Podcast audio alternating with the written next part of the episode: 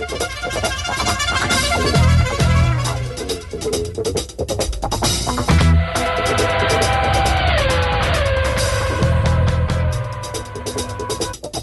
is.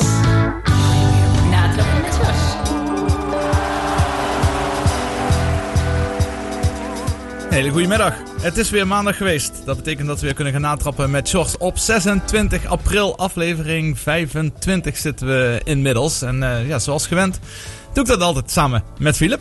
Philip, goedemiddag. Goedemiddag, het is nog geen maandag geweest, maar het is nog maandag. Maar dit weer kun je wel eens een foutje maken. Ga nou lekker beginnen dit hè. ik zal maar zeggen, ik was er vroeg uit. Ik moest al eh, op de golfbaan zijn van Bernardus. Wat dit jaar het KLM Open gespeeld gaat worden. Om uh, reportage te maken van de talenten van de golfton. Dus ik heb in ieder geval van dichtbij live wel weer eens wat topsport kunnen zien.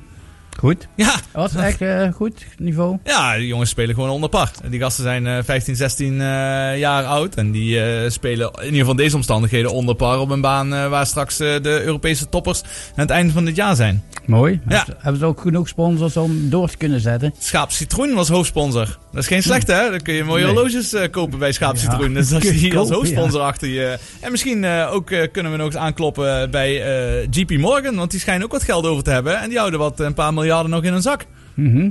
Als eh ook sponsor van de Super League. Dat is iets waar we dadelijk wel over kunnen gaan praten. Eh, net als eh, andere voetbal. natuurlijk de ontknoping van de Eredivisie is gedeeltelijk al geweest. Maar onderin zeker nog niet. En het voorjaarsseizoen betreffende wielrenners. De voorjaarsklassiekers. Die zijn ook ten einde gekomen. En ja, wat, wie zijn dan eigenlijk nu de grote winnaars, verliezers? En wat betekent dit voor de grote ronde? Zoals een Giro d'Italia die over eh, ja, twee, drie weken al van start gaat op 8 mei. Zo snel, eh, zo snel kan het gaan. Eh, dat allemaal hoor je in deze aflevering van Natrappen met George. Maar eerst even lekker wat zomerse muziek draaien. Want ook al is het niet heel erg warm. Hier binnen is het eh, 32 graden of zoiets.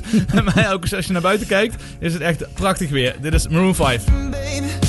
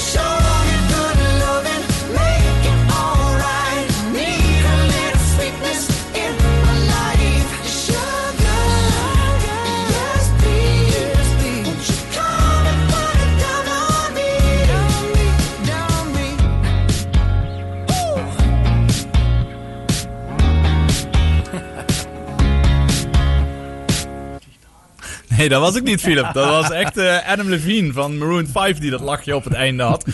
dus eh, nee, dat was ik deze keer niet. Normaal ben jij degene die trouwens loopt te kuchen wanneer ik de eh, microfoons al aan heb gezet. maar hey, het, het grootste nieuws toch wel van de afgelopen week, dat kan toch niet anders, is toch wel de Super League geweest. Hè, zelden dat er zoveel ja, commotie eigenlijk in korte tijd is ontstaan. Middels eh, één wel, weliswaar belangrijk eh, persbericht. Maar voor diegenen die echt eh, onder een steen hebben geleefd de afgelopen week. Of alleen maar in het park buiten hebben gezeten. Uit de wind dan. Even heel kort een, een samenvatting wat dat nu precies inhoudt. Het begon zondagavond met een daverende knal. Twaalf topclubs uit drie landen beginnen iets nieuws. De Super League. Als alternatief voor de Champions League. De voetbalwereld reageert verbijsterd en furieus. Seriously, you have got to stamp on this. This is a it's criminal. It's a criminal act. De Super League moet bestaan uit 20 clubs. Degraderen is onmogelijk. Dankzij de miljarden van een Amerikaanse zakenbank zijn de clubs verzekerd van gigantische sommen geld. Lo que queremos hacer is de voorzitter van Real Madrid. En die vertelt dat ze het voetbal juist willen redden en bestendig maken voor de komende 20 De jaar. UEFA, gevolgd door de FIFA, kondigt harde maatregelen aan. De voetbalbond dreigt de clubs uit hun nationale competities te zetten en de spelers te weren uit de nationale elftallen. Either you're in or you're out. Manchester City is een van de grondleggers van de Super League, maar de trainer Pep Guardiola keert zich ook tegen het plan. Why Ajax Amsterdam, they have four or five Champions League, not be there. They have to clarify that. They have to tell me. They have to tell us, all of us, to do it. Ook de spelers van Liverpool distancieren zich van de plannen. We vinden het niet goed en willen niet dat het gebeurt. Dat is ons collectieve standpunt. De supporters reageren woedend. Liverpool-fans steken shirts in brand en zo'n duizend Chelsea-supporters protesteren bij het stadion waar Chelsea een thuiswedstrijd speelt. Ja, dus dat was een eh, heel snelle start, maar ook een hele snelle dood na een eh, week. Want het is inmiddels alweer van de baan af. Maar Filip, hoe heb jij, hoe heb jij daar eigenlijk naar gekeken, naar dit nieuws en deze ontwikkelingen? Nou, voor mij is het, en ik hoop dat het eh, financieel om te kijken te behappen is. Ik vind het een verademing, ja. Ik heb de hele Champions League gekeken en pas de laatste vier wedstrijden zijn waarbij de topclubs elkaar ontmoeten. Kun je genieten van voetbal. En voor de rest van, het- van het seizoen is het ja, het gebeurt, maar het is niet eh, uitzonderlijk. En dit zijn dus allemaal uitzonderlijke wedstrijden. Alleen de manier waarop, het, de organisatie, die zal behoorlijk aangepast moeten worden. Dus misschien handig als je het er tussendoor kunt doen, of weet ik veel hoe ze dat gaan doen. Maar eh, ik zou het eh, verwelkomen als ik elke twee weken een, een topwedstrijd zou kunnen kijken. Dat is interessant. Ik denk dat jij de enige bent ongeveer op een eh, radio of televisie die ik dit hoor, eh, hoor zeggen in eh, grote lijnen. Want, want het werd toch wel eigenlijk keihard eh, afgeschoten over het algemeen eh, daarin. Waar ik denk wel iedereen over eens is. En dat denk ik ook hetgene is wat jij precies ook hetzelfde bedoelt. Is natuurlijk ja, die topwedstrijden. eh, Zoals nu eh, zeg maar vanaf de kwartfinale in de Champions League. Dat is natuurlijk hetgene waar het om gaat. Alleen het, de arrogantie van dit plan zit hem natuurlijk erin dat je niet kunt degraderen. En dat deze clubs gewoon altijd erin zitten. Ik zeg, de organisatie zou je, zul je Ja. fatsoenlijk moeten aanpassen. Maar je hebt nu alleen maar negatieve dingen gehoord van mensen die niet mogen meedoen. De clubs die wel meedoen, daar hoor je niemand over. Ja, bijzonder is wel dat het begon met de supporters. Als je Ja, eh, Liverpool ziet, Real Madrid, eh, eh, die hebben zich tegengekeerd. een voorzitter werd uitgefloten bij de laatste wedstrijd. Ja, continu. maar- En dus, dus ook supporters die staan hier totaal niet achter. Maar het, het kromme ervan is dat op het moment dat ze dit door zouden gaan, dan zegt de UEFA, moet ik zeggen, dat vind ik op zich wel weer knap van de UEFA, dat ze deze keer wel echt een heel duidelijk standpunt hebben ingenomen met succes. Dat als je Super League doet, dan mag je ook gewoon niet eh, meedoen in de Europese kampioenschappen of wereldkampioenschappen. En zou je eigenlijk ook niet mogen spelen in je eigen een, een league, hè? je eigen Mm. eh, divisie of je eigen landencompetitie. Ja, dat is natuurlijk onmogelijk voor iedere club. Dat, is toch waar het om gaat in eerste instantie voor de clubs eh, om, een, eh, om de beste van hun eigen land te worden. En diegenen wat dat zijn, die kunnen dan eh, proberen de beste van Europa te worden. Maar je achterban. Maar dan, die- moet je, dan zou je toch weer moeten splitsen zoals het vroeger was. Dat je landskampioen die spelen in één competitie Europees. Bekerwinnaars spelen één competitie Europees. En de rest heb je, de, vroeger had je de zogenaamde UEFA Cup waar nummertjes drie Mhm. tot en met vier, vijf. Ligt eraan hoe- hoeveel punten je land heeft voor mee te doen. Maar dan moet je dat goed splitsen. Want ik zit daar echt niet te wachten dat Real Madrid tegen, tegen Rijk, Reykjavik spelen of zoiets. Nee, dat kan ik me goed voorstellen. Maar die Super League, hoe vaak zou die gespeeld dan worden? Ik- dat weet ik dat niet. weet Ik eigenlijk zeg- niemand. Hè? Er werden alleen maar de namen werden erin Mhm. gezet. En je, wat precies die vorm is, dat is wat, wat onbekender Waarom? geweest. Dat, dat, dat zou je goed moeten Ja. Uit aanpakken. Ja, zeker. Als je ook eh, kijkt naar, naar de clubs die erin zaten. Hè? Manchester United, Liverpool, Manchester City. Dat is logisch. Arsenal is al... Misschien Arsenal zou je al bijna dubieus kunnen noemen. Omdat zij natuurlijk eh, niet een grote rol van betekenis gespeeld hebben. De laatste jaren al in de Champions League. Eh, eh, Paris Saint-Germain, die is er tegen. Want die staat hier niet bij. Die zullen ongetwijfeld ook wel gevraagd zijn.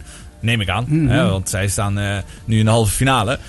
Die waren nu bijna trouwens Ja, eh, meteen eh, kampioen van de Champions League geworden als het door was gegaan. Want dan waren de andere drie eh, ploegen waren wellicht uit de, uit de Champions League gegooid. München wil ook niet meedoen. Nee, inderdaad. Ja. Bayern München zit er ook niet tussen. Dat zijn natuurlijk dat twee zijn grote namen die je mist.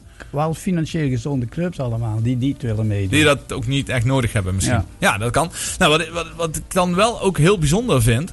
is de nieuwe opzet van de Champions League... die opeens dan ook gepresenteerd werd. Ja, In maar- 2024. Maar ik weet niet wat dat inhoudt. Nou, het, ik vind het een nog, beetje... nog meer van die, Ja. die kwakkelwedstrijden. Ja, eigenlijk wel hè. Want ehm ja, zeggen hebben dat ze er jaren aan gesleuteld hebben. Er komt een compleet nieuw spelsysteem. Dus er komen meer clubs, 36 in plaats van 32. En er komen 100 wedstrijden bij. Maar dat ben ik wel 100% met je eens. Dat zijn echt wedstrijden, ja, daar ga je toch echt niet naar kijken. Nee. Kijk, waarom kijk je naar een poolfase van de Champions League? Omdat eh, Ajax of PSV bijvoorbeeld erin meedoet. Dus je, je, je club van je eigen land. favoriet, ja. Daar, daar kijk je voor naar de poolwedstrijden. En voor de Mhm. rest zijn er niet zo'n bijzondere wedstrijden. En als je dan een keer een topper hebt in die eh, poolfase, dan willen ze allebei vooral niet verliezen. Mhm. Want ze willen gewoon geen punten verliezen. En ze weten dat ze met z'n tweeën waarschijnlijk dan toch wel doorgaan. gaan. dus dat, dat heeft meestal ook niet zoveel. Ja, niet zo'n spectaculaire wedstrijden levert dat op. Ja, klopt. Eh, maar ja, wat je nu dus gaat krijgen, en dat is echt, ik vind het best nog wel ingewikkeld ehm, hoe het zit. Want de, de nieuwe opzet. Ben jij dat allemaal, Filip, eh, die achtergrondgeluidjes wat ik hier aan het horen ben? Helaas, ja. Ja, oké. Dan eh, moet je ja, daar je microfoon eh, dichtzetten als je niet oppast. Maar in ieder geval, het is in ieder geval eh, het verhaal dat, dat ze na loting acht duels spelen in de eerste fase. En de ploegen uit de Conference League spelen er zes. En de beste acht ploegen, ploegen die plaatsen zich voor de achtste finales. Maar als je niet bij die achtste finale zit, dan strijden ze nog een keer om acht plaatsen in de knock-out fase-. Kortom, het klinkt als omslachtig inderdaad veel meer wedstrijden, maar nog langer wachten tot het einde. En ik denk dat de conclusie natuurlijk wel zo is, en daar zal iedereen het zeker wel mee eens zijn, dat we snakken wel naar de, eh, de gave wedstrijden zoals we eigenlijk pas vanaf de kwartfinale in de, in de Champions League te zien krijgen. Maar het ziet er niet uit alsof dat eh, snel, eh, snel gaat veranderen nog de komende periode. Nou, even muziek- zijn plannen, Ja? oké. Nou ja, dit gaat, eh, die Champions League gaat door. En eh, zoals. Dick Advocaat gisteren ook al in een interview zei, ja, die Super League, en nu ligt hij even stil. Maar binnen nu en een paar jaar eh, komt hij wel weer terug. Komt er wel weer een nieuwe investeerder of een nieuw plan. Dat, dit zal altijd blijven gaan. Het gaat om geld natuurlijk, maar vooral om entertainment. Hè? Attractiviteit van wedstrijden verhogen en het hele seizoen verhogen. Dus daar is zeker nog wel wat in te winnen. Maar ja, welke vorm, daar hebben wij ook nog geen vat op. Maar ik denk inderdaad dat je meer een klasse systeem moet hebben. Eh, zelfs als dat je een eh, eredivisie en eerste divisie hebt, bijvoorbeeld.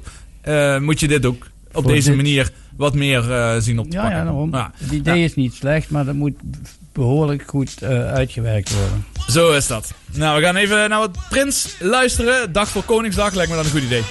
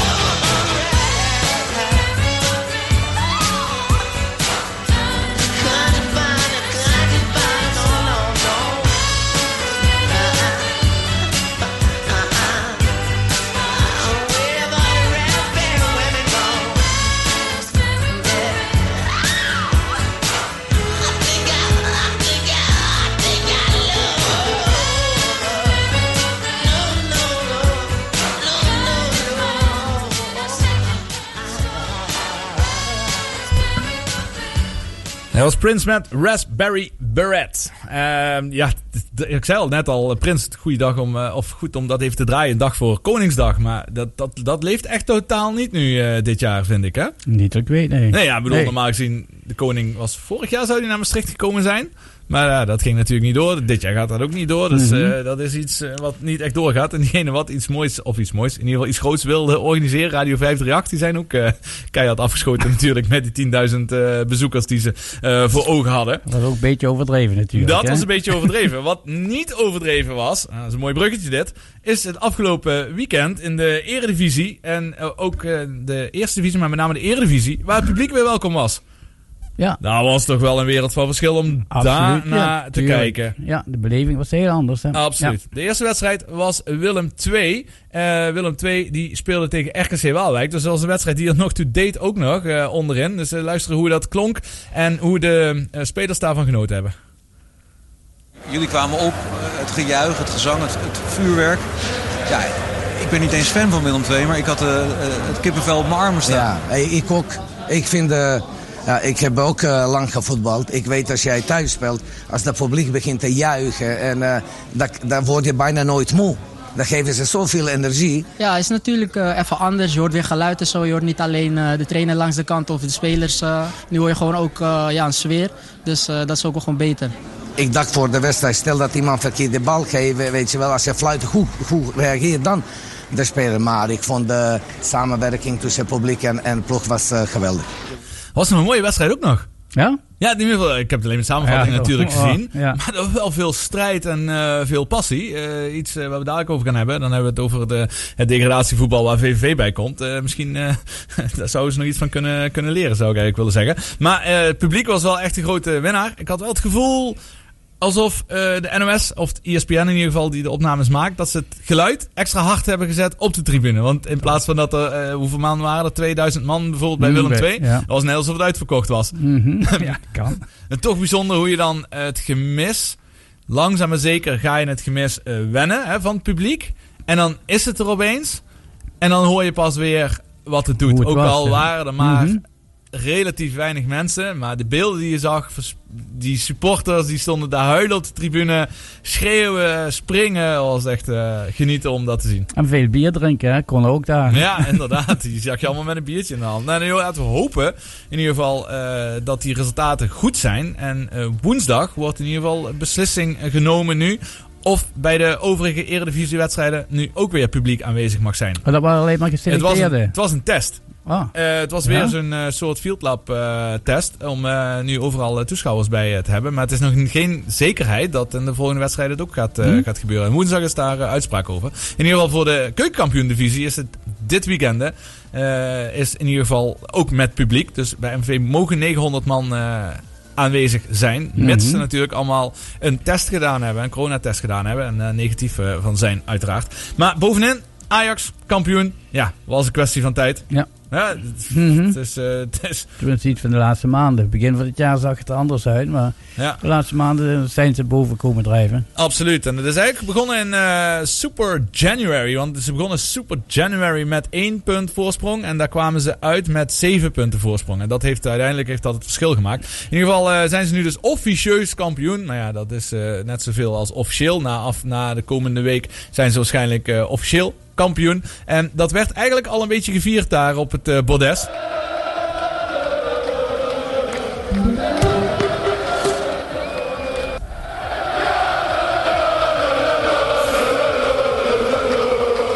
Daar stonden echt serieus honderden Ajax-supporters met elkaar eh, feest te vieren. Laten we hopen dat dat dezelfde eh, stadiongangers zijn die allemaal negatief getest zijn. Want die staan echt eh, arm in arm, staan die daar met elkaar, staan ze daar te zingen en te schreeuwen. Maar ja, dat, dat hoort natuurlijk wel bij een kampioenschap. Zoals die ijzer, ijzersterke teksten ook, hè? Ja, ik kan hem nog even laten lopen, maar ik denk dat er niet veel variatie in komt Nee. dan Ja. Misschien een andere melodie, maar de tekst zelf Dat is niet. toch in Engeland anders, hoor. Ja, absoluut. Ja, 7.500 toeschouwers mochten in de arena zijn. Dat zijn er al Mhm. meer natuurlijk dan MV. Het is ook een iets ander, eh, iets ander stadion eh, wat, dat, eh, wat dat is. Dus eh, ja, Ajax heel knap eh, natuurlijk eh, is, dat, is dat gedaan. Hey, en dan als we het hebben over eh, kampioenen, of in ieder geval eh, kampioenswedstrijden.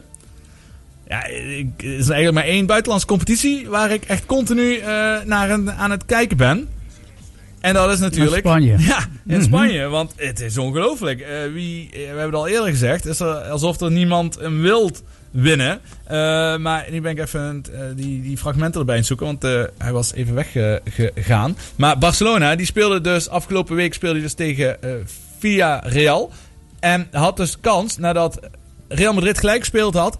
En Atletico Madrid heeft gisteravond Verloren. gewoon weer verloren. Mhm. Met 2-1. Toen had Barcelona dus weer de kans om eh, terug te komen op gelijke hoogte. Met eh, Real Madrid sowieso. En op schootsafstand, binnen schootsafstand, twee punten slechts van Atletico Madrid. En toen kwamen ze 1-0 achter tegen Villarreal. Maar toen was er toch weer een zekere Antoine Griezmann. In dit geval, die de man van de wedstrijd werd. Griezmann, een hele fraaie, een geweldig doelpunt. Het allermooiste doelpunt dat Griezmann ooit gemaakt heeft voor Barcelona. Oh, voor Barcelona. ja, het was ja. een eh, mooi stipje eh, dicht bij de achterlijn aan de ja, zijkant. Mooi eroverheen. Eh, daarmee maakte hij dus 1-1. Kan me voorstellen hoe spannend dat daar toch is. Je weet dat je zo'n kans hebt om eh, volledig terug in de titel te zijn. En dan 1-0 achter staan. En dan eh, doet Griezmann dus inderdaad een heel, heel mooi stipje daar eh, geven. Maar daar bleef het niet bij. Want vanaf, na die 1-1, die maakt hij in de 29e minuut. In de 35e minuut. Pedri. Er doorheen, nee. Griezmann staat daar, bewust. En dit is de tweede. Een geweldige goal. Hij staat daar bewust. Omdat een verdediger altijd kan denken, ik paas terug op de keeper. Ja, dat is wel heel goed gezegd van Siert de Vos. Want hij stapt ja. echt fantastisch. Ja, Siert de Vos is altijd mooi, vind ik, om naar te luisteren. Er zijn genoeg mensen die hem eh, echt eh, niet kunnen horen. Maar ik vind het heerlijk om naar hem te luisteren. Maar hij stapt al, hij ziet die verdediger en hij rent al als een gek richting die keeper. Om die, die paas, die terugspeelbal te ontscheppen. Dus eh Griezmann is weer van deze keer hele grote waarde, waarde voor Barcelona. Maar het blijft ongelooflijk knap wat Ronald Koeman daar aan het presteren is. Mhm. Ja. People manager eh, wordt hij wel eens genoemd. En dat blijkt toch eh, Puur, ja. daar te zijn. Hè? Want iedereen is weer vriendjes van elkaar. Iedereen doet alles voor elkaar. Ze zijn blij, ze stralen het uit. Dus eh, Heel knap. dat doe je niet vanzelf. Aanstaande donderdag om 7 uur speelt Barcelona hun inhaalwedstrijd tegen Granada. En wanneer ze deze weten te winnen, dan staat Barcelona opeens weer aan kop van La Liga. Terwijl ze in de start ergens op de veertiende plek of zo eh, nog eh, hingen. En dat hebben ze helemaal omgedraaid. Dat is echt, eh, echt heel, heel erg knap wat, wat Ronald Koeman daar voor elkaar heeft gekregen. We gaan weer wat muziek luisteren. Ja, Filip, je hebt al, dat nummer misschien ondertussen al wat vaker gehoord. Maar het is een heel mooi nummer. Het nieuwste van Raccoon. Hey joh, Jip. Hey joh Jip, wat kijk je sip, ga je mee een eindje varen? Dan gaan we naar de overkant, een reis van vele jaren. Maar Jip was stil, hij zei niet veel, alleen dat hij wou gaan lopen. Dat die boot voor hem vertrokken was, hij de boel wilde verkopen. En trouwen moest van hem nooit meer, zonder liefde ook geen pijn. En die overkant mocht branden, als die daar niet hoefde zijn. Hij kon niet lachen om de grap, waar hij anders van moest huilen. De Jip was weg vertrokken, zocht een plekje om te schuilen. Maar het is waar,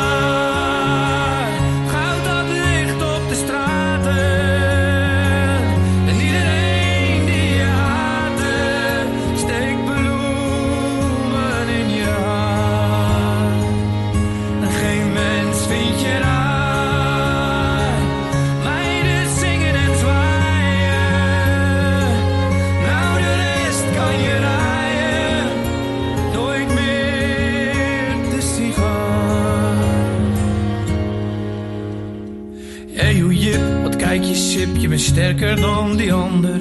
Sterker dan de gouden ring, we hebben toch elkander. En jij ben jij en ik ben ik, en dat gaat niet meer veranderen. Er is geen middel tegen, niet hier, niet in verre landen. Hey, hoe Jip, wat kijk je sip, doe je nu al heel je leven. Ze zeggen dat jij ooit een keer je hart hebt weggegeven. En dat ze toen op volle kracht dat ding had opgevouwen.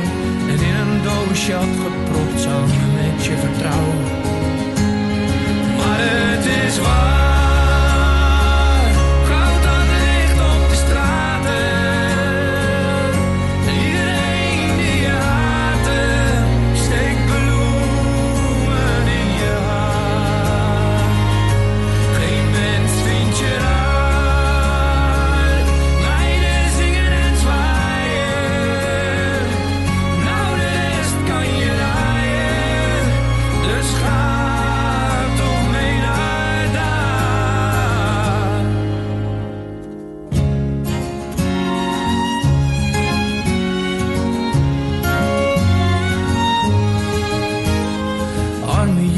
zit hij dan, van hartzeer wordt je taai.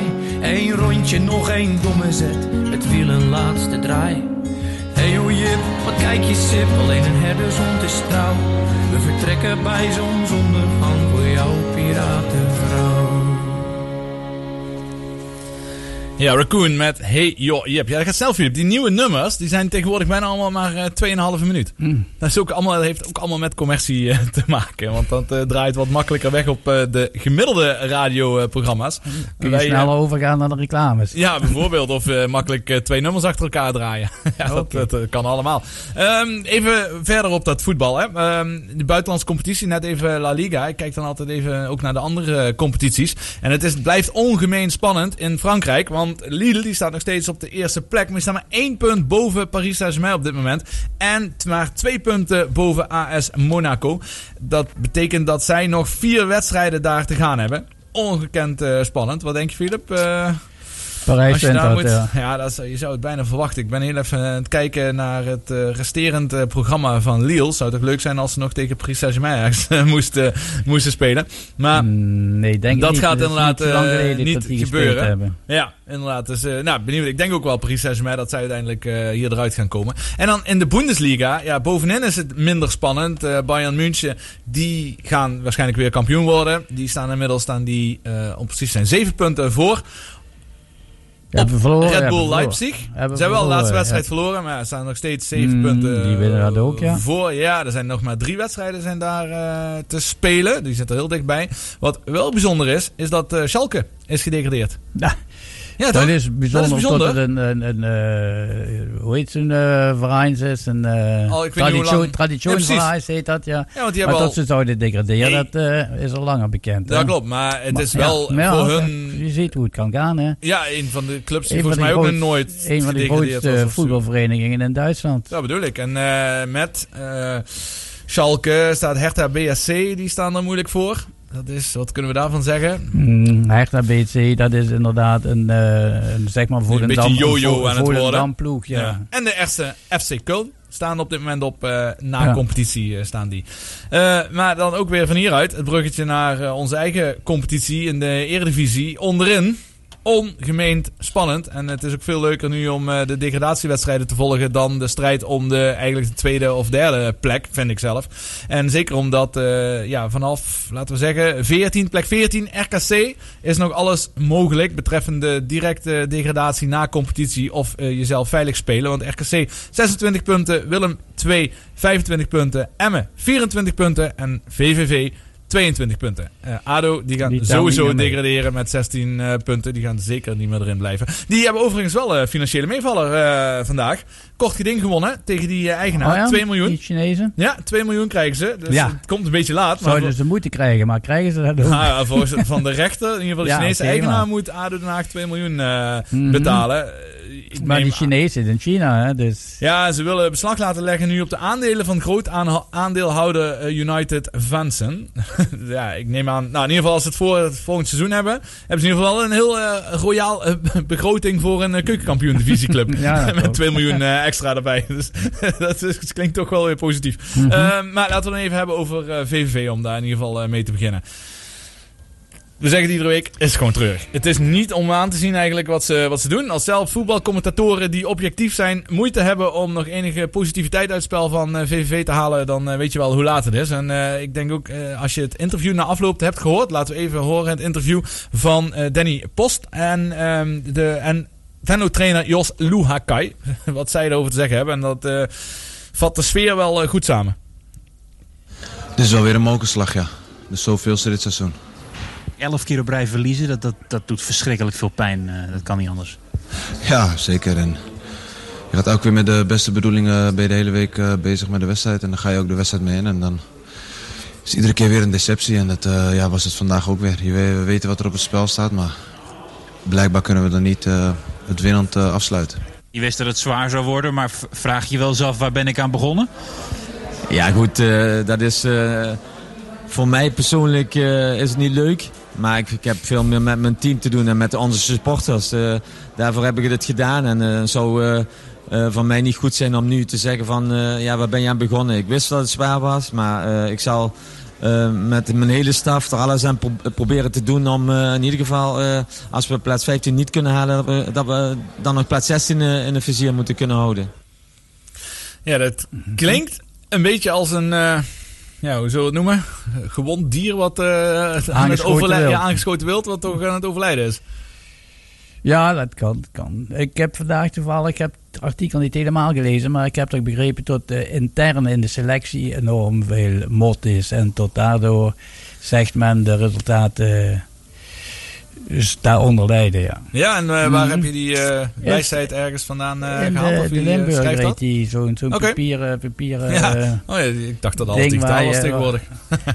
en dat was van Krooi onder andere. En nog iemand die zich daarover uitlieten. Omdat Hm. De sfeer en, de- en de onderlinge sfeer eh, ver te zoeken is. Waar rook is, is vuur, denk ik dan inderdaad Mhm. in dit geval. Eh, maar het grootste contrast zit dan eh, bij Emmen. Heb je die samenvatting gezien? Mhm. Wat een goal maakt die Ja, De Leeuw in de maar, ja. 89ste minuut voor de, voor de 2-1. En ze winnen uiteindelijk nog in drie, met 3-1. Maar die, dat was een beslissende, Ja, ongelooflijk ja. mooie goal. Dat valt me nu in. Die had ik als sportmoment van de... Nou, dan gebruiken we die nu. en eh, even zijn interview na afloop. Hoe hij eh, die goal zelf heeft eh, beleefd. Maar ik denk nou, tel je zegeningen, Ja. pak, pak je punt. Je bent in ieder geval één plek opgeschoven. En dan neem jij die bal aan. En eigenlijk op het moment dat jij die bal aanneemt, denk ik al... die gaat hem keihard op doel rossen. denk jij dat ook? Ja, nee, ik denk een goede, goede diepe bal van, eh, van Miguel. Ja, hij zag de loopactie goed. Hij geeft hem op, eigenlijk perfect op maat. En eh, ik, eh, ik nam die bal aan en tijdens mijn aanname hoorde ik eh Gladon roepen alleen, alleen, alleen. Dus toen wist ik eh, bij die aanname van deze gaat, eh, deze gaat hard richting de lange hoek. Ja, ja hard was hij ook wel. Onderkant lat. Echt prachtige goal. En dan eh, zie je en hoor je natuurlijk het verschil in, in, in, in beleving of in, eh, in ieder geval sfeer eh, tussen een ploeg als Emmen, die ja, op sterven na dood waren. En nu inmiddels, nou ja, in ieder geval zie ik de laatste vijf wedstrijden zie ik hier, hebben ze dat, de laatste drie hebben ze gewonnen en ze hebben er twee gelijk gespeeld. Mhm. Ja, een hele mooie goal hoor. Alles bewust, aanname die hem was bewust. Het, het klaarleggen was bewust. eh, het schot op doel. Ja, tot hij dan onderkant lat komt is, is meegeno- Nee. meegenomen. Maar dat was een hele, hele mooie actie. Van, Als hij hem op de lat had geschoten, was het even mooi, was het even een mooie actie Mhm. geweest. En nu moet je een beetje geluk hebben. Nou, de Emmen zit nu in ieder geval wel in de hoek eh, waar het geluk eh, te vinden is. En waar VVV in de andere hoek zit, waar de klappen vallen. Nee, dat zijn pas mooi. eh. nee, maar even, dus er zijn nog een aantal wedstrijden die te gaan zijn, zoals Vier dag- gezegd. vier dacht ik, hè? Ja, dat klopt inderdaad. En de laatste wedstrijd is dus Emmen VVV. De vraag is vooral, waar gaat deze wedstrijd over? Ja, ik bedoel, is het dan nog voor eh, Emmen voor lijstbehoud? Is het voor VVV dan te laat? Eh, dat is natuurlijk ja, eh, de dat, vraag. dat is Daar kunnen we koffiedik nu- dat kijken. hè, Als we, toch, ja. als we toch bezig zijn. Ja, maar ik Maar verwacht... ja. Emmen speelt zondag tegen, tegen Ajax. Dus dat is een Mhm. beetje verloren. VVV Heracles, ja, dat zie je ook niet zo zitten voor, voor Venlo. Emmen speelt nog tegen Ajax, tegen Groningen thuis, tegen Heerenveen thuis en tegen VVV uit als laatste. is geen makkelijk programma. Nee, maar je mag het natuurlijk niet hardop eh, zeggen. Maar Groningen en Heerenveen zijn min of meer uitgespeeld. En die komen uit de buurt van hem, hè? ik denk als, als MV Roda speelt, eh, dan gaan ze niet Roda laten winnen om, eh, om erin te blijven, denk ik. Nee, maar, dat is hier in het zuiden ietsjes anders eh, ingesteld als, als, als in het noorden. Dat is waar. Waar VVV trouwens echt nog twee grote finales te gaan heeft. Tegen RKC spelen ze zaterdag 8 mei. En de laatste wedstrijd, zoals gezegd, dus tegen Emmen. Mhm. En ze spelen aanstaande zaterdag tegen Heracles. Nou, als je nog iets wil om direct de degradatie af te wenden, dan moet dat echt beginnen tegen Heracles. Ze spelen ook nog tegen Ajax trouwens. Nou, laten we die dan eh, misschien als verloren beschouwen. Maar in ieder geval, Heracles heb Maar je en- en- enige en kans. En dan natuurlijk RKC en hè? VVV. Daar zou je zich aan moeten vasthouden. aan- maar die kreeg de laatste tijd gewoon geen ballen. Nee. Ah, aanstaande eh, vrijdagavond is dat. Spelen zij. En het mooie is, eh, zij starten om 7 uur. En MVV start natuurlijk om 8 uur. En ik zit hier eh, vanaf 7 uur. Dus ik kan die wedstrijd live eh, meekijken. En een beetje onze luisteraars voor MVV ook op de hoogte houden. Van ja, de avonturen van Jakumakis en, en VVV. Kijken of zij erin weten te blijven. Had je nog iets hierover, Philip? Ik zie je opeens in eh, papieren duiken. Maar... Nee, die papier heb ik net eh, voorgelezen. Daarom wist Heel ik ook dat er maar vier, eh, vier wedstrijden waren. En tot, Ja. dat Emmen tegen Ajax moest. Ja, even vooruitkijkende op de rest van de week. Heeft misschien met het weer te maken van Supertramp. It's raining again. Laten we maar hopen dat dat niet uitkomt. En dat lekker dit weer blijft.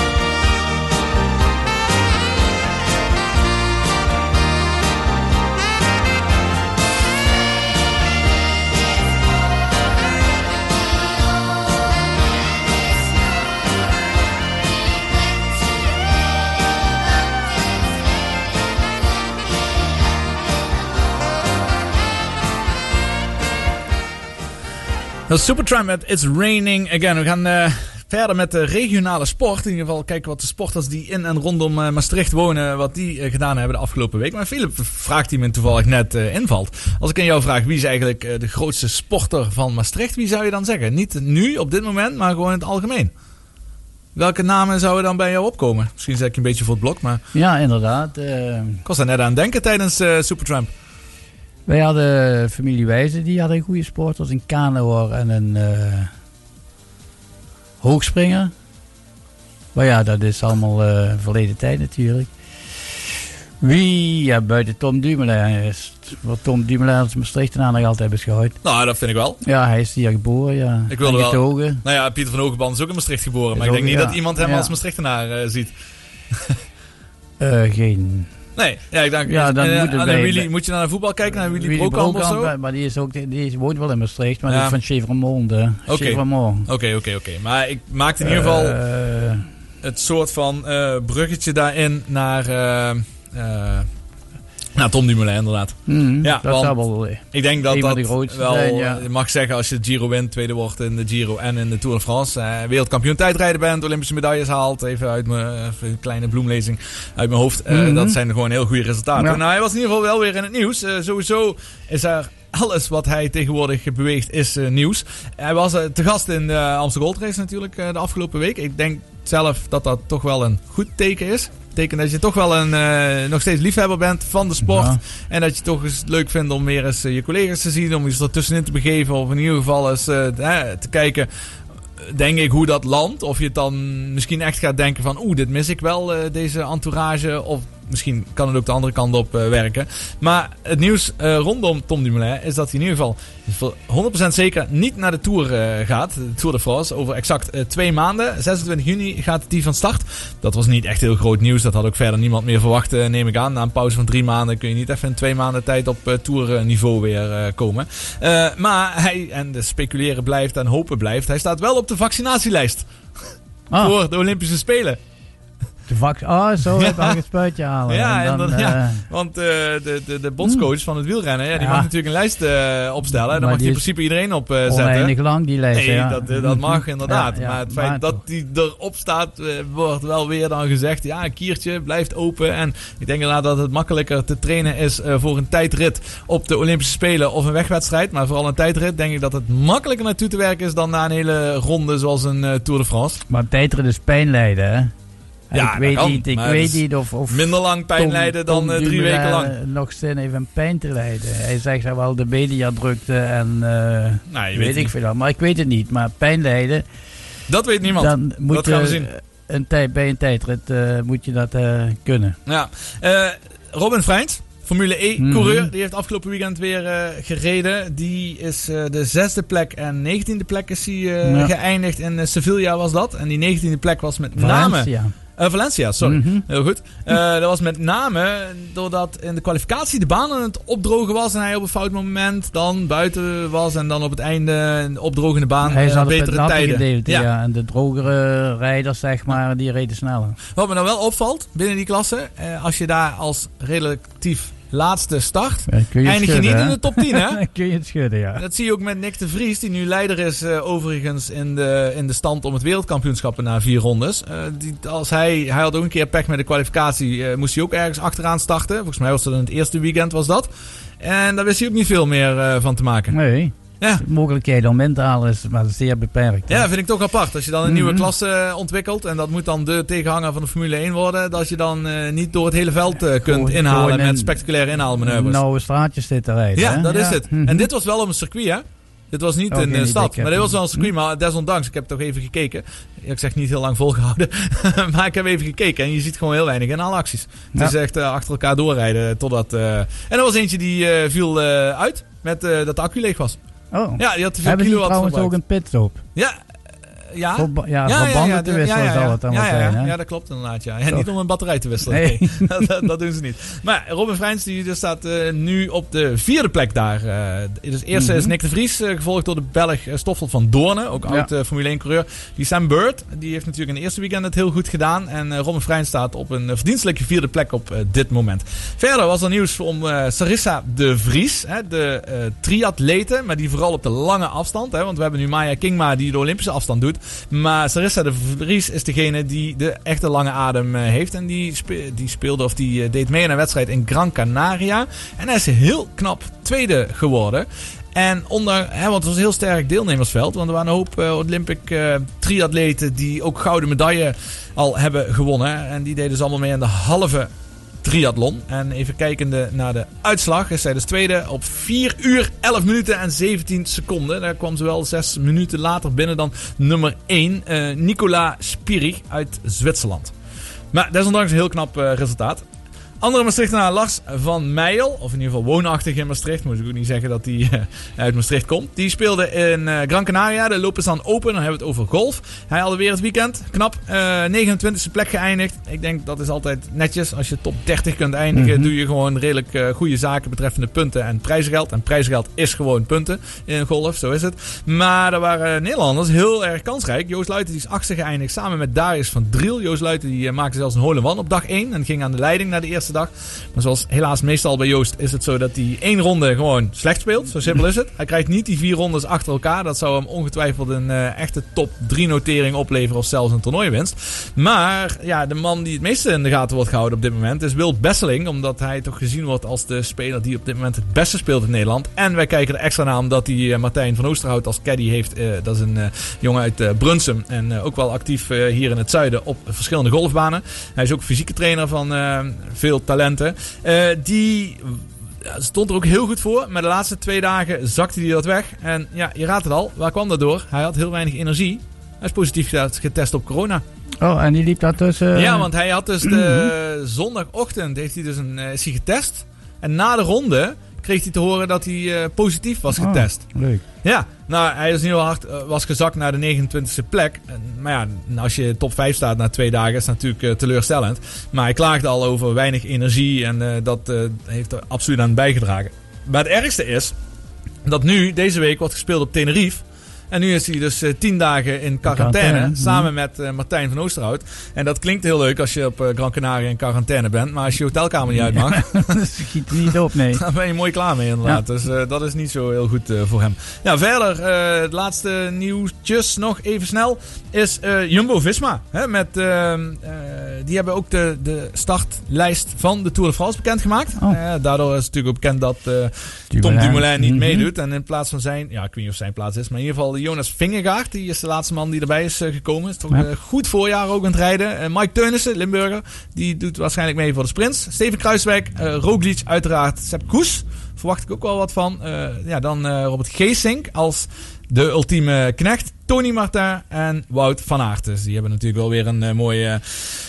Ja, een mooie, een mooie bij, iets moois bij elkaar hebben ze gezet. Eh, nou, nu we nog een paar minuten voor het nieuws hebben, dan maken we hem ook even af. En dan draaien we nog één eh, plaatje tot aan het nieuws. Dat is eh, dat bal. Hebben we het over eh, basketbal. Kwartfinalist nu in de Dik beker. Dik gewonnen, hè? 114 tegen Mhm, 51. Dat ja. is heel dik.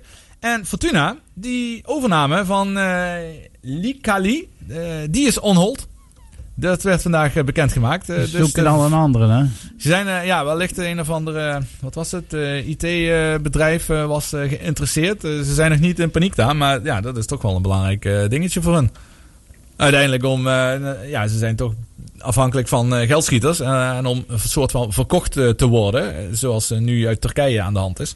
En de MVV die stond ook op dat lijstje met een volgende club die wellicht als eerste overgenomen zou worden, heb ik ergens gezien. Dat, dat, maar daar staat verder niks hoor met, met berichten.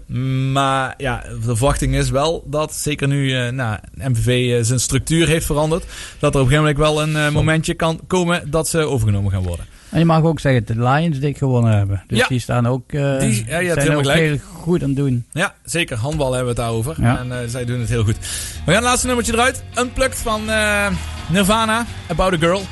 ook echt een klassieker. Lang geleden dat ik die eh, gehoord heb. Maar die unplug sessie van hun is natuurlijk legendarisch. En dit is de openingstune About a Girl.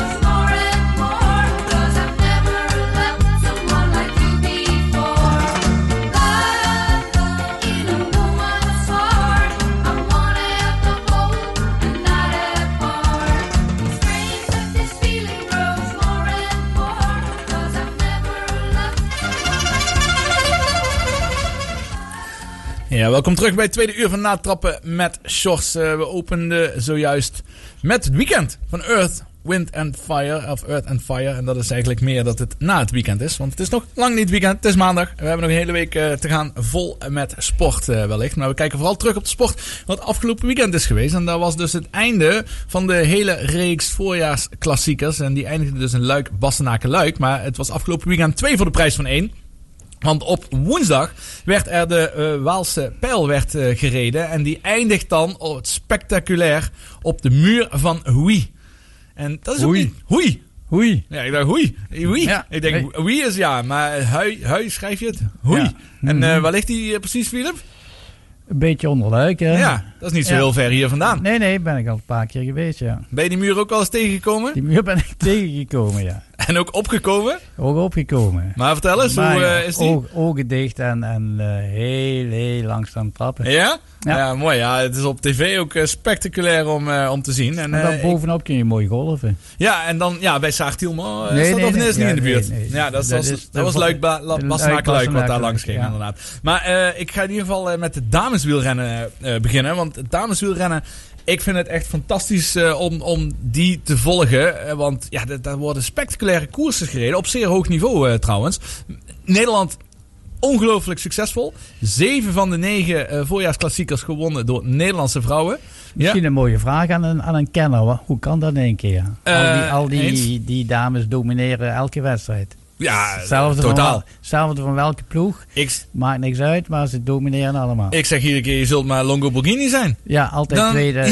ja. Of, of tweede. Je dus fietst op de top van je kunnen en de bloei van je carrière en alles. En Ja. dan zit iedere keer een Nederlandse voor je. Mhm. En of het nu een half wiel is of eh, twee fietslengtes, het maakt niet uit. En als het de ene niet is, dan is het wel de de andere. ja, daarom. Maakt dat- niet uit wie. We gaan daar ook nog op, eh, op terugkijken inderdaad precies eh, wat, welk, wie wat heeft eh, gewonnen. Maar laten we dus, zoals gezegd, eerst beginnen met die ontknoping op de muur van Hoei. Hoei. Heel goed. en dat was eh, het Anne van der Breggen die door Demi Vollering alles... eh, Demi Vollering reed alles dicht. En die bracht Anne van der Breggen naar die spectaculaire ontknoping daar op Geen de muur. kost, maar het gaat verschrikkelijk hard. Zij aan zij. Een titanenstrijd. Anna van der Breggen gaat ze voor een zevende. Nibia Doma gaat dan langzaam toch wat versnellen. En van der Breggen stoïcijns uit het zadel. Van Vleuten daarachter. Nivia Doma probeert dit. Maar Van der Breggen blijft eraan. Komt er weer naast. 100 meter denk ik. Anna van der Breggen. Anna van der Breggen. Het is Nivia Doma die breekt. Het is Anna van der Breggen. Vanaf de voet van de muur van Hoei. Die dus voor de zevende keer waarschijnlijk gaat winnen. We zijn nog niet helemaal boven. Maar als we dit zo zien. Ja hoor, jawel. Anne van der Breggen. Zevende overwinning. Wat een reeks. Hoe kun je zeven keer achter elkaar die koers winnen? Dat is echt knap, hè? Ja, één voor één gewoon, hè? Ja, het begint met één. Ja, één voor ja, het één. begint ja. met één en dan de ja, volgende en de zeker volgende. knap. Ja, dat is Dus mega. Daar gaan minimaal zeven jaar overheen ook nog een keer. Hè. Dat zal ze niet allemaal achter elkaar Nee. gewonnen hebben. Dus het is absoluut knap, ja. Ja, en Mhm. dan heb je gezien hoe Anne van der Breggen dan omhoog eh, fietst. Wat voor een ontzettend klein verzet dat zij fietst vergeleken met de andere dames. Ja, kan. Ja, maar echt fantastisch. dat is ieder vroeg, maar ook, heeft ook altijd een Ja. heel klein verzet. Dus het is voor iedereen anders toch een beetje. Ja, en zoals gezegd had eh eh, Demi Vollering, eh, een beetje nieuw kid on the block, hè, nieuw talent, 24 jaar slechts. die had Anne van der Breggen dus geholpen in de Waalse Pijl. En dat betekende dus dat Anne van der Breggen nog wat open had staan. En die heeft Demi Vollering dan weer geholpen eh, in Luik Bastenaken Luik. En dat deed ze geweldig. Want ze fietsen zulk hoog tempo. Ze reden alles dicht, maar ze fietsen ook zo'n hoog tempo. Dat ze ten eerste Marianne Vos eh, eraf hebben gereden. Want die is natuurlijk het meest gevaarlijk in een sprint. En eh, ze bleven met 5-6 bleven ze overeind. En dan was het ook weer Anne van der Breggen die de sprint aantrok. En daarna moest het afgemaakt worden door Demi Vollering. Daar gaat eh, Van Vleuten. Vollering in het wiel. Oh. Oh, Ja, oh, oh, oh. Vollering aan voor Vollering gaat natuurlijk. tot nu in het midden doorheen Ja, komen. die gaat hem Vollering gaat winnen. Of is het Anne van... Nee, het is eh, Van Vleuten. Vleut- of nee, Vo- Vollering. Vollering. Vollering. Vollering, die wint. wint. Ze maakt het af. Ja, Danny Nelissen was even een beetje in de war met Ja. alle Nederlanders. Want er waren weer drie Nederlanders in deze kopgroep. Maar het was echt met overmacht was het Demi Vollering. En het was zwaar emotioneel na afloop. Omdat eh, ja, ze het nu al toch meteen waarmaakt in haar derde jaar als prof. Ze werd tweede in de Amsterdam Gold Race. Ja, eh, heel dicht achter eh, Marianne Vos. Mhm. En dan nu meteen zo'n groot monument winnen. Ja, fantastisch is dat. As they Maar dit is niet alleen omdat ze gewonnen had, maar ook eh, zeg maar de lof wat ze Mhm. uitbrak over, over het temporijden van... eh, Precies. Hoe heet ze? Ja, Anne van der Breggen. Van der Breggen. Ja, precies. Dat is wat niet normaal eigenlijk. Ja. Hoe, hoe lang en, en hoe snel zij op kop is blijven rijden. Ja, Mhm. helemaal eens. Dus dit was echt teamwork. Hè? Je hebt twee eh, s- eh, rijdsters, eh, rensters in eh, de kopgroep. En ze spelen het werkelijk waar perfect uit. Eh, de sterkte van Vollering zit hem dus in de sprint. En Van der Breggen die kan fantastisch kopwerk doen. En eh, niemand kon eh, wegkomen. Mhm. Ja, en volledig verdiende overwinning. Ja. Net zoals je zei, teamwork. Kunnen vele heren nog iets van leren. Ja, inderdaad. Daar gaat het niet altijd even goed, lijkt het wel. Maar Mhm. bij de dames eh, zonder twijfel hartstikke knap. Het is bijna niet voor te stellen dat Anne van der Breggen gaat stoppen na dit jaar. Nee, maar ze doet het wel, Ze zeg ze. gaat hè? het inderdaad eh, doen. Ja, het, als ze dan eh, in de wielrennen blijft en ploegleider wordt, ik heb geen idee. Maar ik denk dat ze vooral uitkijkt om een gezin te stichten. Zou best kunnen hoor. Ik kan me geen andere reden bijna verzinnen waarom dat ze nu eh, inderdaad zou Toen gaan waren stoppen. ze 37 zoiets, hè? Eh, dat zou ik niet zo snel durven zeggen. Maar het zou zomaar, zou zomaar kunnen. Maar ze is het sterk. Ze is ongelooflijk sterk. Mhm. Dus er is geen enkele reden, zou je bijna denken, om te stoppen met profielrennen. Want het is niet dat ze niet meer goed genoeg is. Maar aan de andere kant, je wilt ook niet te lang doorgaan. Die fout hebben ook velen hebben gemaakt. Nou, we gaan muziek luisteren. Counter Crows, Mr. Jones. Daarna komen we terug en dan eh, kijken we hoe die twee races bij de mannen zijn afgelopen. Zowel de Waalse Pijl als Luik Bastenaken Luik. En ook dat was veel spektakel.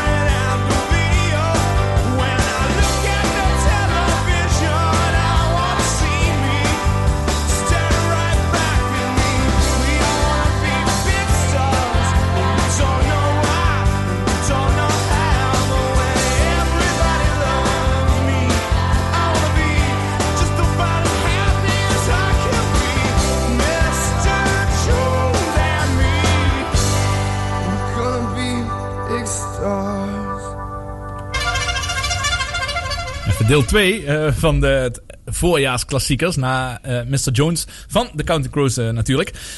Dezelfde twee wedstrijden afgelopen week. En het was echt een mooie gevecht weer. De Ron met Alaphilippe. Die, het maakt niet uit. We zeggen altijd. Maakt niet uit waar die Alaphilippe neerzet. Nee, hij valt, Als ik- hij valt altijd Ja, op. als ik één iemand Ja. zou eh, moeten sponsoren Ja, eh, om een eh, logo op te zetten, zou ik altijd voor Alaphilippe kiezen. Ja, hij is, ja, hij is altijd in beeld. Altijd spectaculair. En eh, zo was het ook dus op eh, de bekende muur van... Oei. Oei. ja, precies. En daar eh, was de ontknoping tussen Alaphilippe en Roglic. En voor Roglic was het de allereerste keer dus dat hij de Waalspijl reed. En hoe? Poef, vertrokken. Oh, wat is die ver weg al. Daarachter Pitcock, Vogelsang, Valverde, Alaphilippe. En die Alaphilippe, die weet, ik moet nu maken dat ik erbij kom. Valverde mee, Pitcock op hangen en wurgen. De rest is nergens. En Roglic was al weg en versnelt door. En raast over de muur van Hoei heen. Grote genade, wat een oppermachtige vertoning van de Sloveen. Ja, maar gaat hij op het juiste moment? Want hij heeft de wereldkampioen in zijn wiel. En die kent het momentum hier. En die gaat het toch doen, denk ik. Die gaat er gewoon overheen. Daarnaast weer een fotofinish. Wel nee. 1 Alaphilippe. 2 Roglic. Ja, ik denk dat dit wel echt een eh, staaltje ervaring is. Want uh, Alaphilippe wint dus voor de derde keer eh, de Waalse pijl. Mhm. En Roglic doet voor de eerste keer mee. En het lijkt er toch echt op alsof Roglic te vroeg op de muur van Hoei is eh, vertrokken. Ja. Hij, hij sloeg meteen een gat. Maar Alhoewel het is... hij zelf zei, want had ik niet eerder moeten vertrekken. Oh ja? Ja. Oké. Mhm, dus... Interessant. Maar je ziet inderdaad, hij pakt echt een voorsprong. Maar Alaphilippe pakt het juiste moment om die eh, versnelling eh, te Ja, ja. pakken. En gaat er op dat stukje naar beneden, eh, gaat hij eroverheen. Dat is de ervaring, ja. En ja, het leek erop Mhm, alsof eh, tuurlijk. toen Roglic bovenop kwam, dat hij Die ook echt klaar was. Die dacht, het was over, is over. Nou, nu, niet dat hij Ja, dacht nee, dat hij al gewonnen had, maar Ja, hij had niet meer de, de power in zijn benen om dat net dat kleine stukje wat bergaf gaat, om daar nog even op door te pakken. Maar echt weer een eh, fantastische race, fantastische ontknoping. Ik denk dat we enorm verwend worden dit jaar eh betreffende die voorjaars, met die Ja, voorjaarsklassiekers. Elke, elke klassieker was de moeite waard. Zeker weten, ja. En Mhm. datzelfde geldt dus ook eh, voor eh Luik, Bastenaken-Luik. Waar ik eh, dacht een eh, fragmentje van eh, klaar te hebben staan, Philip. Maar dat was niet zo. Maar het Nee? was in ieder geval eh, spannend. Eh, met name aan het eh, einde, toen er weer een geweldige kopgroep ontstond. En dan mag jij ondertussen misschien even vertellen hoe die kop, kopgroep eh, tot stand is eh, gekomen daar. Na het werk van eh, met name Ineos. Die, ja, eh, dat wil ik, ja. daar wil ik nog even over hebben. Zeker. Het is niet de eerste keer dat, dit, dat je dit ziet. Ineos is daar met vier, vijf man in, in een grote groep. Die haalden alle vluchters haalden ze terug. Die stuurden, daar ontsnapte zelfs een Ineos-renner eh, uit. Dus toen dacht ik van, die hebben dat goed voor elkaar. Want die man, of, en ze rijden niet meer. Dus of die man blijft voorop. En als hij niet voorop blijft, dan gaan zij er overheen. Maar wat zie je weer bij het einde? De hele Ineos-ploeg was ergens meer te zien. Ja. En dat is niet alleen Ineos, dat is een andere. Ene keer is het, is het ehm, hoe heet ze, Jumbo. De andere Ja. keer is het, noem Ja, wel een ploeg inderdaad. Maar die wat het meeste inspanning levert de laatste 30 kilometer, die zie je normaal Nee. gesproken bij, bij de, de bij- finale? bij- in de finale niet meer terug. Ja, precies. Nee, ik heb in ieder geval de ontknoping eh, van die sprint, want er was me er ook wel eentje. Toen ze met z'n vijf, en dat waren vijf grote namen ook, Mhm. eh, het laatste stuk aan het eh, fietsen waren. En eh, de ontknoping. Champagne bij Movistar. De verslagenen boven in beeld. De groep met Roglic erin en Mollema. Zij hebben tijd om te speculeren. Mollema komt er trouwens wel aan in een eerder plukje. Mollema nadert. En hoe lang kunnen ze hier speculeren? Dat plukje daarachter, Mollema benoot. Valverde, het kan niet anders. Hij zal de sprint moeten openen. Dat doet hij niet graag. Maar als het moet, dan moet het. Valverde, Woods. Waar blijft Pogacar? Alaphilippe zit ver. Woods komt naast Valverde. Dan komt Alaphilippe buitenom. En dan is daar ook Pogacar. En dan gaat het zij aan zij. En dan is er een overwinning voor Pogacar voor Alaphilippe. Nu. Valverde, vijf Woods. Ongelooflijk dat eh, vorig jaar eh Alaphilippe op de streep geklopt wordt. Hè, waar hij zijn arm in de lucht in deed en Ja. uh, Roglic langs eh, ging. Daarna werd hij wel nog gedeclasseerd trouwens. Vanwege een, eh, een, duwen of van zijn lijn Mhm. afwijken in de sprint. Maar in dit geval gebeurt bijna hetzelfde. Want Pogacar komt echt op het einde. Laatste Komt hij ook weer eh, net eh, voorbij. twee meter, ja. Maar Mhm. laten we eerst even hebben over de man die toch het meeste genoemd is gisteren tijdens de koers. Alejandro Valverde op zijn 41ste verjaardag. Mhm. Ehm, die man die heeft misschien al duizend keer in deze situatie gezeten. In zijn lange koers bestaan. Hoe kan het dat hij zich de kop laat opdringen? Geen idee, maar als je, als je het gezien hebt, het enige wat hij had kunnen doen is afstappen.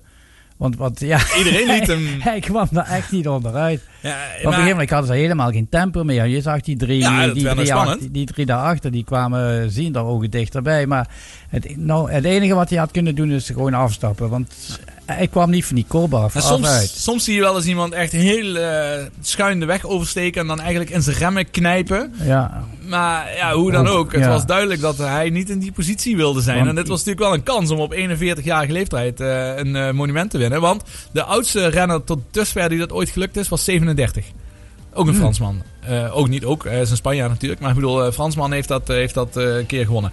Maar hoe dan ook, ja, was ook dit weer een geweldige ontknoping. Je ziet er wordt steeds meer nagedacht bij, bij wielrennen. hè. Vroeger zeiden wiel, wielrenners zijn de, Ja. gewoon een domme sport. Maar Ja. men dacht, die anderen dachten van als, als, we hem, als hij van kop afkomt, dan hebben we bijna geen kans om te winnen. Dus Mhm. met, met z'n vieren, vijven du duwden ze hem gewoon Ja, in die positie. Ja, ja. en, en Mhm. Pogacar doet dat trouwens heel slim, want hij... Hij was laatste in dat Maar hij durfde zelfs een gat te laten vallen achterin. Mhm. Want eigenlijk wilde Alaphilippe, die wilde het laatste wiel hebben.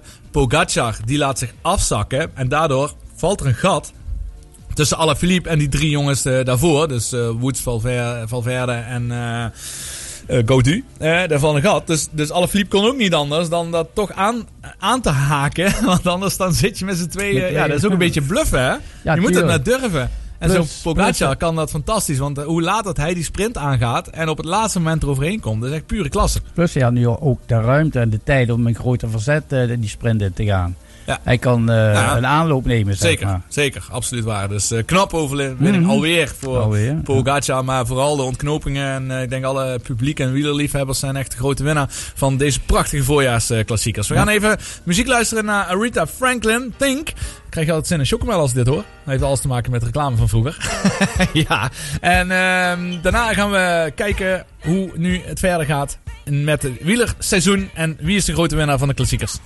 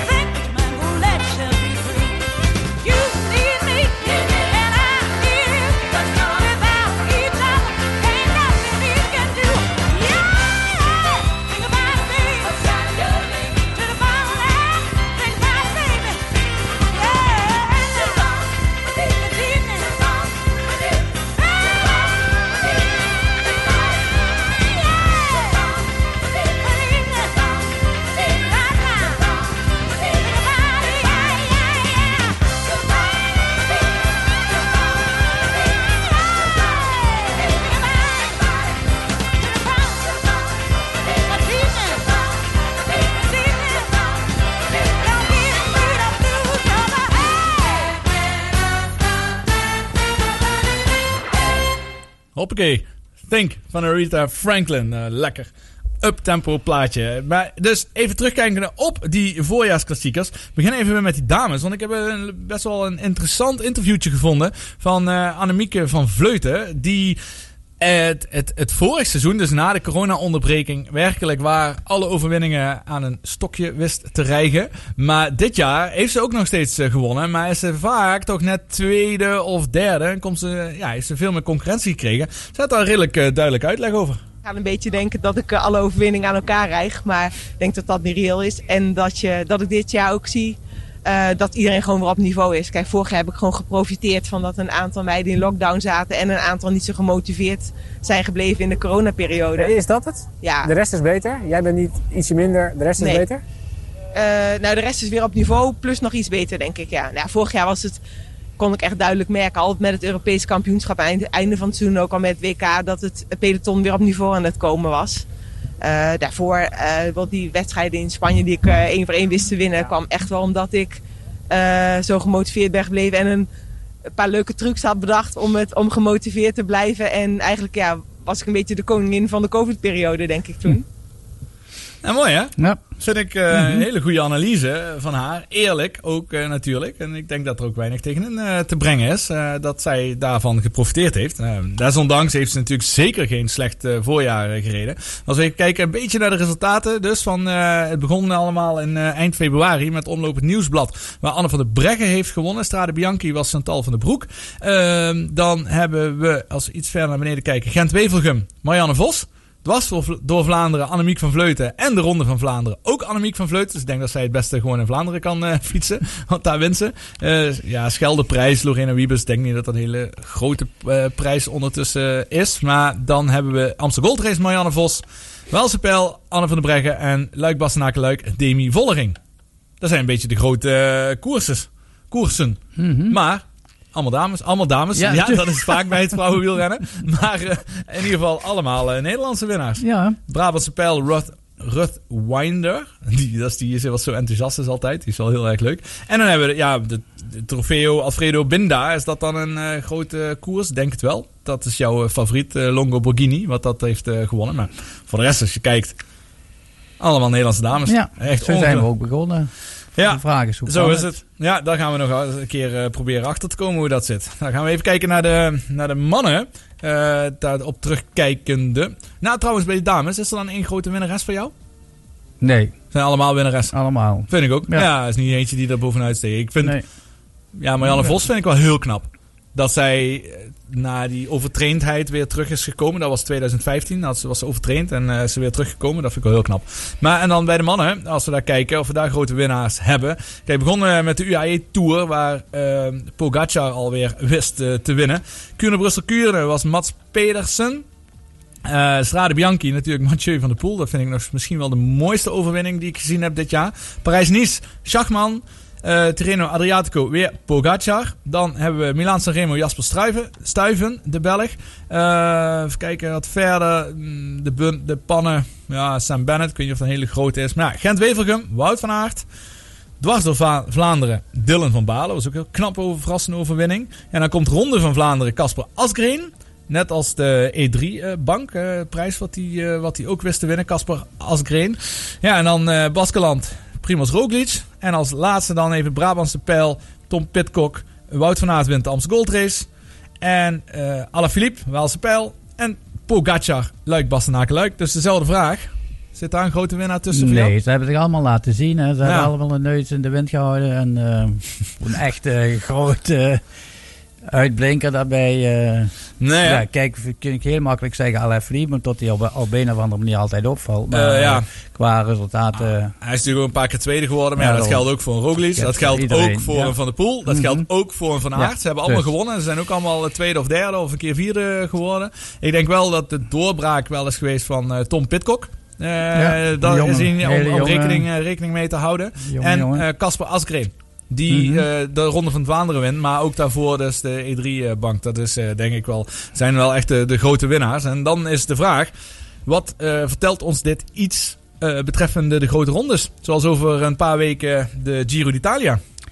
Ja, zoals je net al opdoepte, de, de tourformatie van, van eh, Jumbo. valt me op dat daar echt qua knechten, qua voor, voor ploegenspel, vrij weinig eh, wielrenners tussen zitten. Het zijn allemaal egootjes, allemaal met hun eigen naam.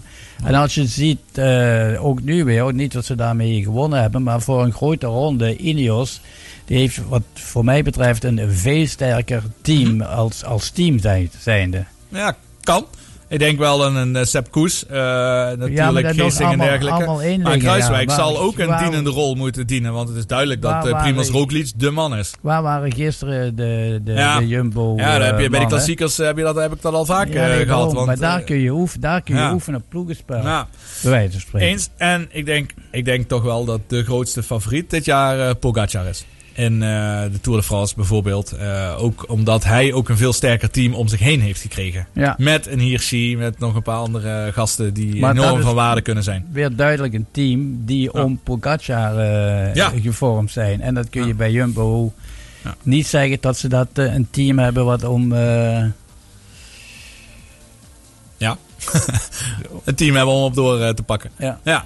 inderdaad. We gaan eh, even naar wat muziek luisteren. We hebben genoeg eh, wielrennen besproken. Hartstikke mooi om dat te volgen. Zeker natuurlijk dat deze laatste koersen zo in de buurt waren hier. Amsterdam Gold Race, Luik, Bastenaken, Luik en dus de, de Waalse Pijl. Dat komt hier allemaal in de buurt. Jammer dat we er niet naartoe mochten om te gaan kijken. Wellicht dat we dat volgend jaar wel weer kunnen gaan doen. We gaan weer muziek luisteren, zoals gezegd. Pak een liedje van Zoutelanden. Niet een liedje van Zoutelanden, maar het is van Bluff natuurlijk. En het heet Zoutelanden, wat toch wel een allergrootste hit uiteindelijk is geworden. En na het liedje heb ik er eigenlijk nog wel iets eh, leuks over te vertellen.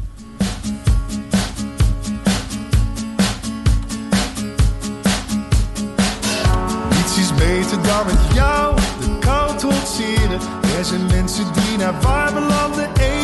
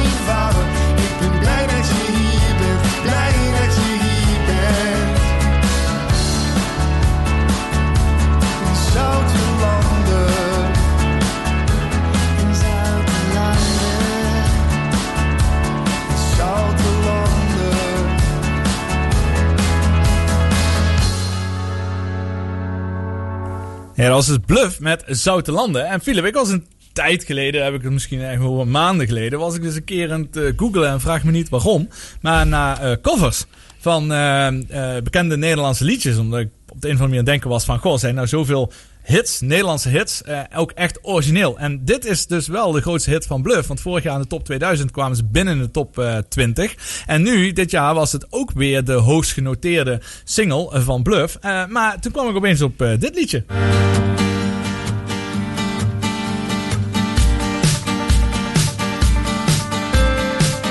Nichts ist besser als dir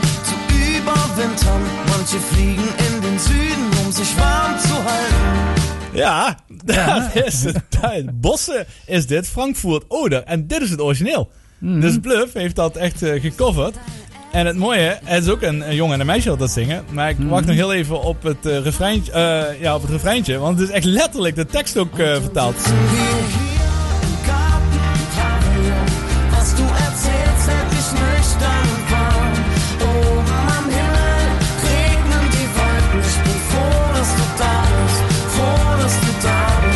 Dat ze daar wist. En plus ik gewoon blij dat je hier bent. En, en echt letterlijk gewoon hetzelfde. Ik vond het ontzettend... Alleen Zuid-Landen wel. Ja, alleen Zuid-Landen hebben ze dan inderdaad, eh, veranderd. Daar zitten ze in de tuin in plaats van in het strandhuis. Maar is toch wel bijzonder, hè? En eh, Mhm. als je Ja. daar op het googelen bent, dan eh, kom je er ook achter dat geen enkel nummer van Marco Passato origineel is. Nee, Evenals de nummers van Jeroen van der Boom. Er zijn een handvolle... Ja.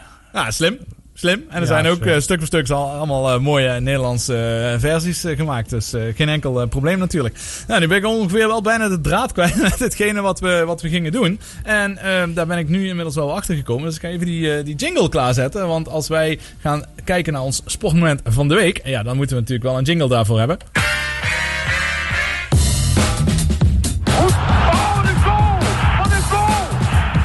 Timmetje, Timmetje, wat ga je doen? En hij staat! Staat! Het is ongekend! Daar gaat hij Ippon en neemt hem over. Goud is er voor Mark Huizinga. Het sportmoment van de week. Als krijg ik daar ruzie met Doreen dat ze niet genoeg op de radio is eh, geweest met haar eh, stem. Dus eh, toch nog het sportmoment. En Filip, jij mag eerst, want ik heb daar Ah, ja? eh, zelf geen fragmentje ook bij. Dus er kan niemand het gras voor je voeten wegmaaien deze keer. Nou, ik kom wel eigenlijk op de derde plaats. Want jouw sportmoment, eh, dat was ook mijn sportmoment. Maar eh, daar was ik net te laat voor. Iets van eerst komt, eerst maalt, hè? Ja, klopt. En eh, met dat voetballen, ja, dat heb ik net even verzonnen. maar ik vond het wel opvallend. Ik heb Zurich Classic. Classic gezien. Dat is een golfwedstrijd voor teams, zeg maar. Teams, Ja. Een team bestaat uit twee personen in dit geval. En die moeten gewoon op de beurt een, een bal slaan. En er waren er twee bij. Twee teams dan. Die hadden dus 72 holes gespeeld. En die stonden gelijk. En op de 73e hole, de eerste afslag van Oosthuizen, een Zuid-Afrikaan, sloeg de bal gewoon water in. Ja, daar kun je het dus met de 1 hole eh, play-off, eh, ja, kun je wel schudden natuurlijk. 72 holes eh, gespeeld zonder een foutje te maken en de beslissende eerste beste bal gewoon in water in. Dat is niet goed, hè? Nee. Daar mag je niet Ja, blij dat zijn. echt, eh, eigenlijk op, opvallend, ja. Of, of het kan ook toeval zijn dat namelijk een, een Zuid-Afrikaans team en een Australisch team 1 en 2. eh ja. Dat is wel, eh, ook wel aardig. Ja, zeker, zeker. Die zag ik ook bijzonder, die waren ook eh, goed verkleed, eh, die Australiërs. Had ik nog op een fotootje ergens eh, Ja, gezien. ja. Oké. Want Ja. die Smit, dat is, eh, die, die, die Ja. nog niet zo lang. Dat was vroeger een Geen idee. krachtsport. Oké, nou, dan sla je wel ver, dat scheelt een stukje. Mhm. Ik heb ik heb een eh, momentje gekozen wat niet zo alledaags is. Alhoewel turnen natuurlijk wel echt een wereldsport is. Afgelopen weekend, of week, waren in ieder geval het EK turnen. En Nederland won in ieder geval een zilveren medaille op de balk met Lieke Wevers of Sanne Wevers. Ik denk dat het Lieke deze keer was. Ja. Nee, ik denk, ja, ik weet niet. Het zijn in ieder geval tweelingen. Die andere viel in ieder geval van de balk af. Maar er is weer een, eh, echt, een, echt een nieuwe topper eh, opgestaan. En zijn naam, ja, daar ben ik nu even snel weer aan het kijken. Want ik was hem even kwijt, eh, zijn naam. Maar in ieder geval is dat... Nagorny. Nagorny. En Nagorny heeft zijn eigen turn-element. Dat is werkelijk waar spectaculair wat deze man allemaal doet. En daarnaast won hij die meerkamp met overmacht tot en met. En kwalificeerde zich ook nog eens eh, voor vijf van de zes individuele nummers voor de finale. Ja, dan ben je wel een hele grote. En dan eh, maakt deze man wel groot kans op de Olympische Spelen die eraan zitten te komen. Maar eerst zijn eigen turnelement. Nagorny is dé grote superster van dit EK. En zijn oefening op vloer is het hoogtepunt van de dag. Als een bokser laat hij zich op. Want de Rus heeft een baanbrekend element aangekondigd. De drievoudige salto achterwaarts gehoekt. Nog nooit eerder vertoond. En hij maakt hem. Het is gewoon belachelijk. Ja. ja, deze man springt zo hoog en gehoekt betekent dus met gestrekte benen. eh, waarbij ze dus de, de handen zeg maar, op de knieholtes hebben. En dan maakt hij gewoon drie achterwaartse salto's. Eh, dat is al heel knap, maar dan landen is nog vele malen knapper. voor 95% goed, ja. Ja, ja hij moet Een één stapje naar maar ja, dat, dat eh, mag voor mij eh, wel. Het is echt... eh, Maar ik wil de eerstvolgende wel zien die het hem nadoet. Plus, beter gaat het nooit meer. Denk ik. Hoe bedoel je, beter dan deze Beter dan- uitvoering? Meer dan, drie, meer dan drie keer. Oh, eh, nee, je- je- je- Gehoekt gaat niet, eh, gaat niet lukken, nee. Hij zou de, eh, schroef gaat ook moeilijk als je gehoekt eh, bent. Dat gaat hem ook niet helemaal worden. Dus de vraag is of iemand dat gaat Ja, nadoen. Ja, het kan, het kan. Je weet niet, Ja, want alle, iedereen is met een element begonnen. En tegenwoordig worden alle elementen, ja, die is ooit door iemand bedacht. Maar ben ik aan denken, Jury van Gelder, hè, die had toen in de, in de ring had hij ook zijn eigen element. Eigen Van Gelder, maar daar is nooit iets verder mee gebeurd. Dat heb ik nooit meer gehoord. En ik heb het hem ook nooit meer zien doen. Hoewel, met hem is het ook een beetje anders afgelopen. Dat was ook niet helemaal eh, volgens, eh, volgens plan. Nou, dat waren dus onze sportmomenten. We zijn langzaam maar zeker alweer aan het einde aan het komen. Maar niet voordat we zo dadelijk eh, nog even een, update hebben gedaan betreffende MVV. Dat doen we na Michael Jackson. Li- Liedje van hem. Human Nature. Ja, er zijn oneindig veel hits van Michael Jackson waar je uit kunt kiezen. Dit is eentje wat je misschien niet zo heel vaak hoort.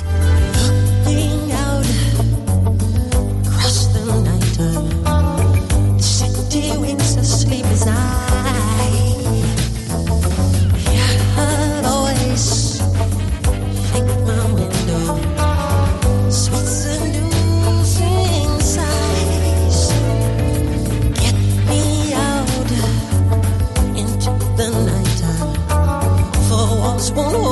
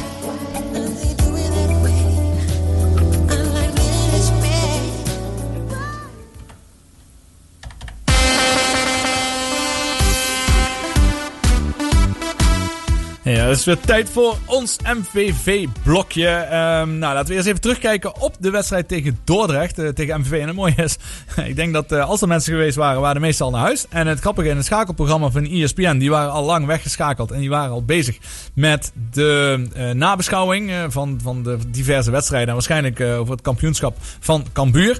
Maar toen was er opeens Sven Blummel in de 95e minuut met het allerlaatste balcontact. En die dacht daar toch nog even net wat anders over. Lijkt dan te gaan eindigen in 0 tegen 0. Luttele seconden nog te gaan. MVV kiest nog één keer de aanval. Costons, de invallen. Naar Van Akker. Van Akker legt hem breed. Blummel wacht even en schiet hem dan in de verre hoek achter Bossin die dit keer geen antwoord heeft. En dat was echt het allerlaatste schot van de wedstrijd. En daarna werd meteen eh, afgefloten natuurlijk. Nou, dat is toch wel lekker. Zeker lekker, Ja, ja. ja. en dan eh, ben je Mhm. helemaal naar Dordrecht. Dus het is toch wel lekker dat je dan ook gewoon in die laatste seconde eventjes eh, daar die overwinning nog weet te pakken. Nou, wat voor een gevolg heeft dat dan voor de stand betreffende MVV? Staan nu op de twaalfde plek. En het blijft ongemeen spannend als je eh, als doelstelling eventueel zou hebben om naar het eh, linker rijtje te gaan. Dan moet je dus eh, tiende of negende worden. En MVV heeft dus 42 punten. Top Os heeft ook 42 punten. En daarboven staat Helmond Sport met 1 punt meer op de tiende plek. En Excelsior, die hebben 45 punten. Dus die hebben 3 punten meer dan MVV.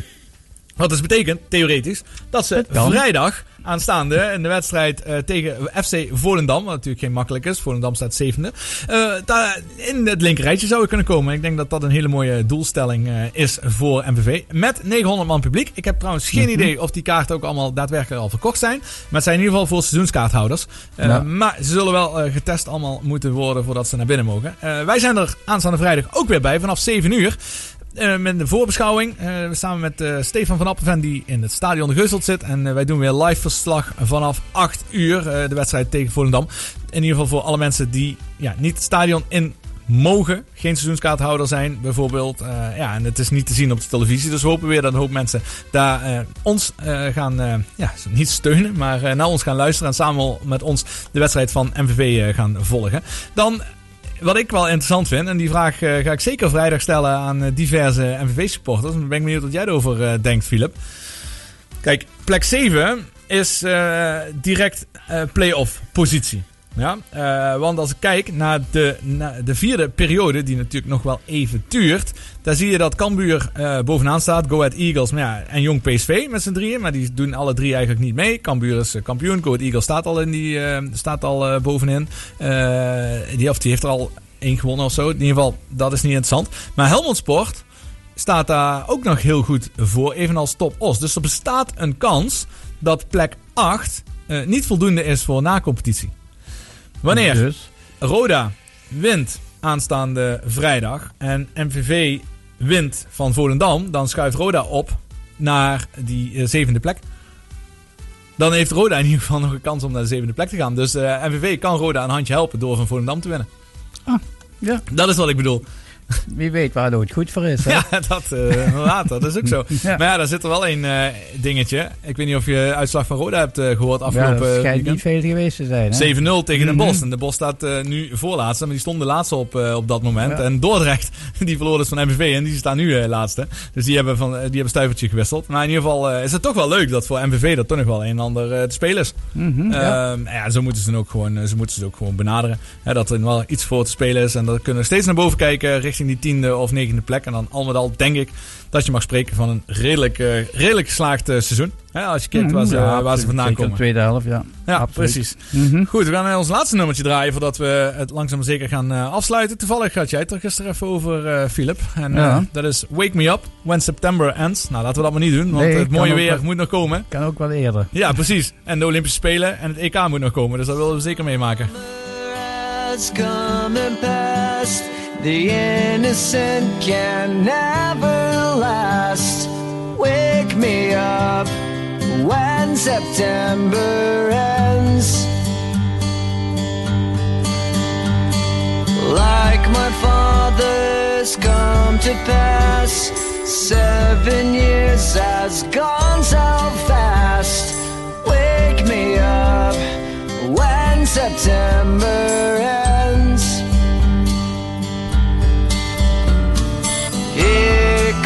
the rain again, falling from the stars, drenched in my pain again, becoming who we are. As my memory rests, but never forgets what I lost. Wake me up. Wake September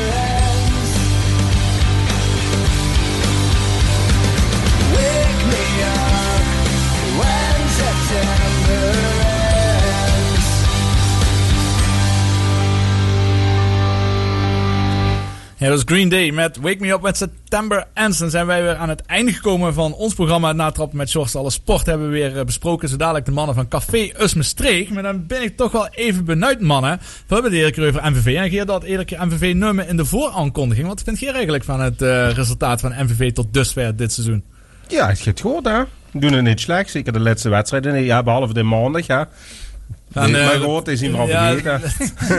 Fijn dat ze dat nog even zag, ja. toch redelijk, ja. Ja, dat is aan het woord, ja. Nu die lijn volhouden volgend seizoen, hè? Dat is de grote vraag waar iedereen met zit. Hè? Wat gaat er eh, dadelijk in de zomerstop gebeuren met de contracten? Weer contracten verlengd? eh, komt er versterking? Of juist niet? Hè? Lopen de gooie speurders die zich goed laten zien, eh, lopen die weg? Dat is eh les te zeggen. Plus, de Ray Kalesic, wat natuurlijk eh, technisch beleid deed voeren. hè. Nog een contract van één jaar. Zien allemaal dingen wat heel spannend eh, gaan zien. Dat zal we zien. Wat heb je eigenlijk eh, voor een speciale acties nog in dit Ja, we programma? hebben geen gasten vandaag, maar we gaan natuurlijk wel het zeggen over de opengang van de terrasjes weer. En Ja. Daar gaan we natuurlijk over zingen. Of ja, weer niet, maar...